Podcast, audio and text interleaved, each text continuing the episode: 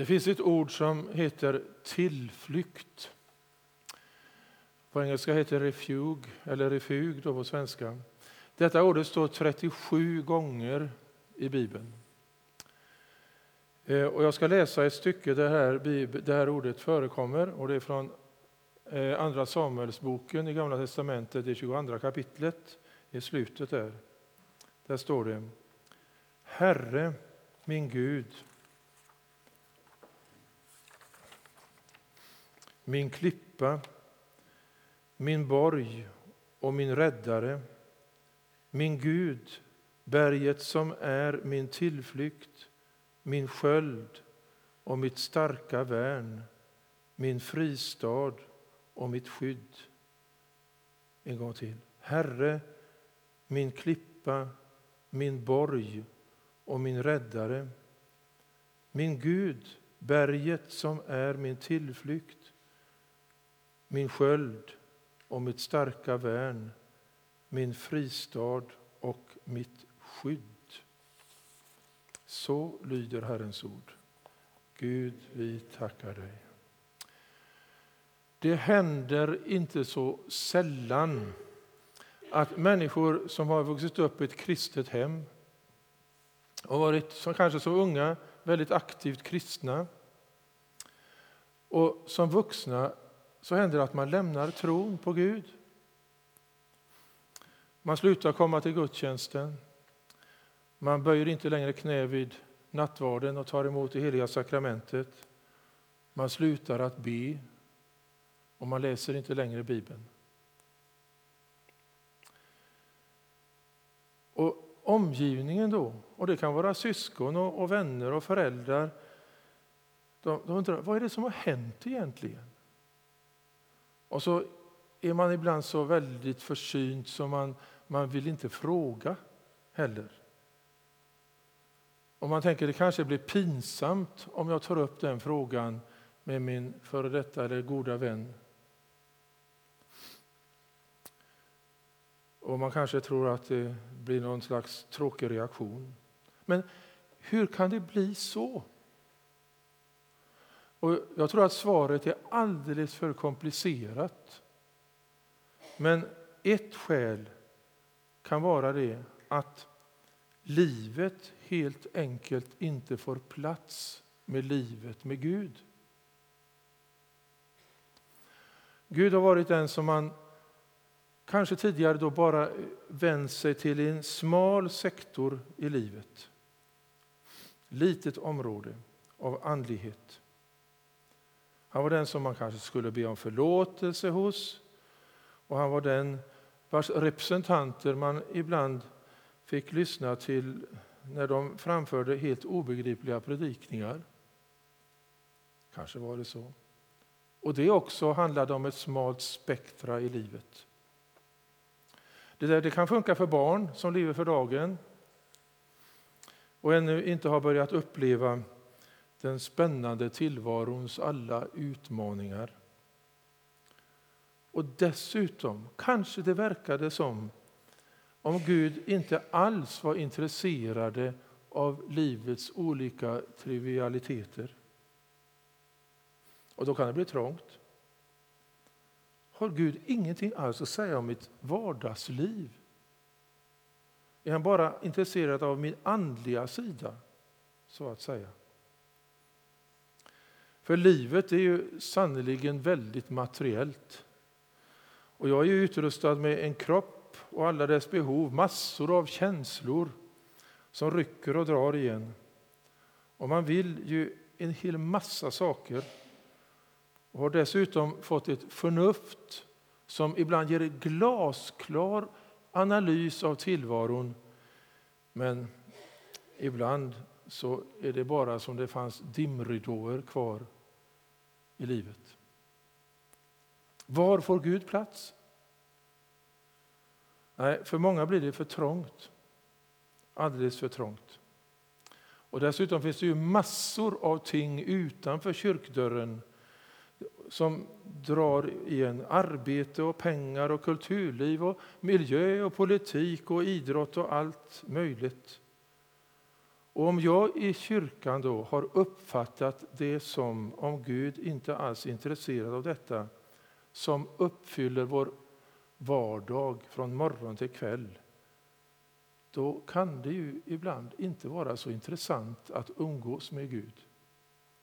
En sådan Gud. Och då kan det bli ungefär som en förälder som inte alls eller har ett njuggt intresse av sina barns aktiviteter och, och dess värld, men som absolut kräver att det ska vara med på aftonbönen i hemmet. Eller du vet den där människan som du ibland möter som bara pratar om sig själv och inte alls frågar efter hur du har det. Man blir ganska trött på det samtalet till slut och undviker. Men nu är det så här att Jesus kommer till denna jorden helt och fullt som människa. Jesus är 100 procent människa och han är också 100 procent Gud. Jag tror bara det är han som är 200 procent. Vi kanske är någonting där mittemellan. Men Jesus är så.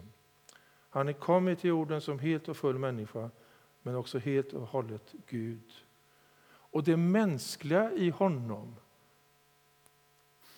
det brottar han också med. Brottas han också med. Med arbete, med pengar, med känslor, med vilja och förnuft, med politik. Samtidigt som han var helt och hållet närvaro i det mänskliga. Så var och så är han fortfarande där med gudomlig kraft och vishet och förmåga. Och dessutom så kände han till Faderns vilja i allt. Guds vilja. Tyvärr är det så här att i vårt västerland har vi delat upp tillvaron i andligt och världsligt. Den uppdelningen den fanns, finns inte i judisk miljö och den fanns inte i den tidiga kyrkan heller. Allt var ett involverat. Och den finns inte heller i afrikansk miljö inom parentes sagt och absolut inte i Tanzania. Där är tillvaron andlig och materiell samtidigt. Och det är underbart för Gud, man kan tacka Gud i alla livets förhållanden och man kan skylla på djävulen när det går dåligt. Eh, och det gör man ju också. Nu har djävulen varit här och förstört, oss, förstört för oss i den här församlingen, säger man. Helt självklart, och alla håller med. Alla håller med motsatsen också när Gud har gjort något bra. Hela livet är alltså omgärdat av Gud. Och det har vi missat. Men, och allt som finns här också måste fyllas med gudomligt liv och gudomlig kraft och gudomliga lösningar och gudomligt förnuft. Och det är då som livet kan bli verkligen intressant. Och livet lyfter. Så stäng inte dörren för Jesus när det gäller livets alla områden.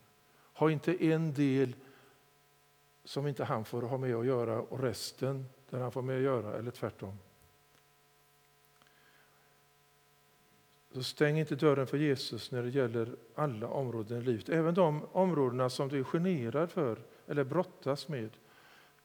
Klar, tala i klartext med honom så att han vet vad? Jo, att han vet att du behöver gudomligt ingripande i det du talar om.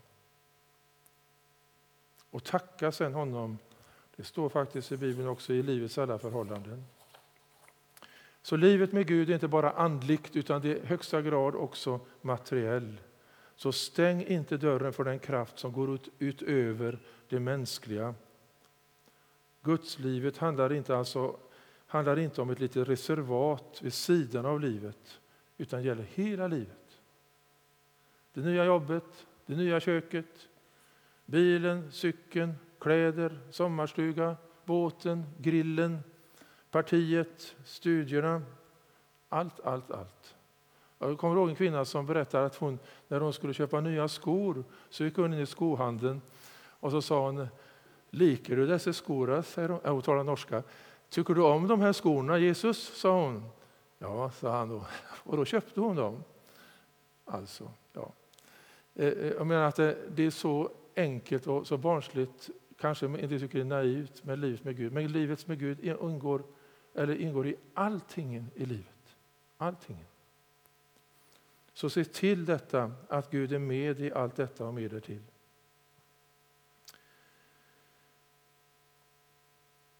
Och är det så att du tar farväl till Gud för att han känns marginell så har du inte förstått tillvarons enorma väldighet och ihopkoppling med himlen och jorden. Och låter du allt i livet kopplas samman med Jesus så är och förblir det livets största vinst. Och så kan du säga, Herre, du är min klippa, min borg och min räddare. Du är min Gud, berget som är min tillflykt, min sköld och mitt starka värn, min fristad och mitt skydd. Och så får vi tala med Gud nu en stund om detta. Vi kan ta en halv minuts paus och så får lägga fram för Herren det du hittills inte har lagt fram. Kanske har du undanhållit honom en del saker. Får du ta upp detta, be honom förlåtelse och be hjälp att vara ärlig och tala i klartext med honom. Han tål att höra allt, han är inte främmande för något.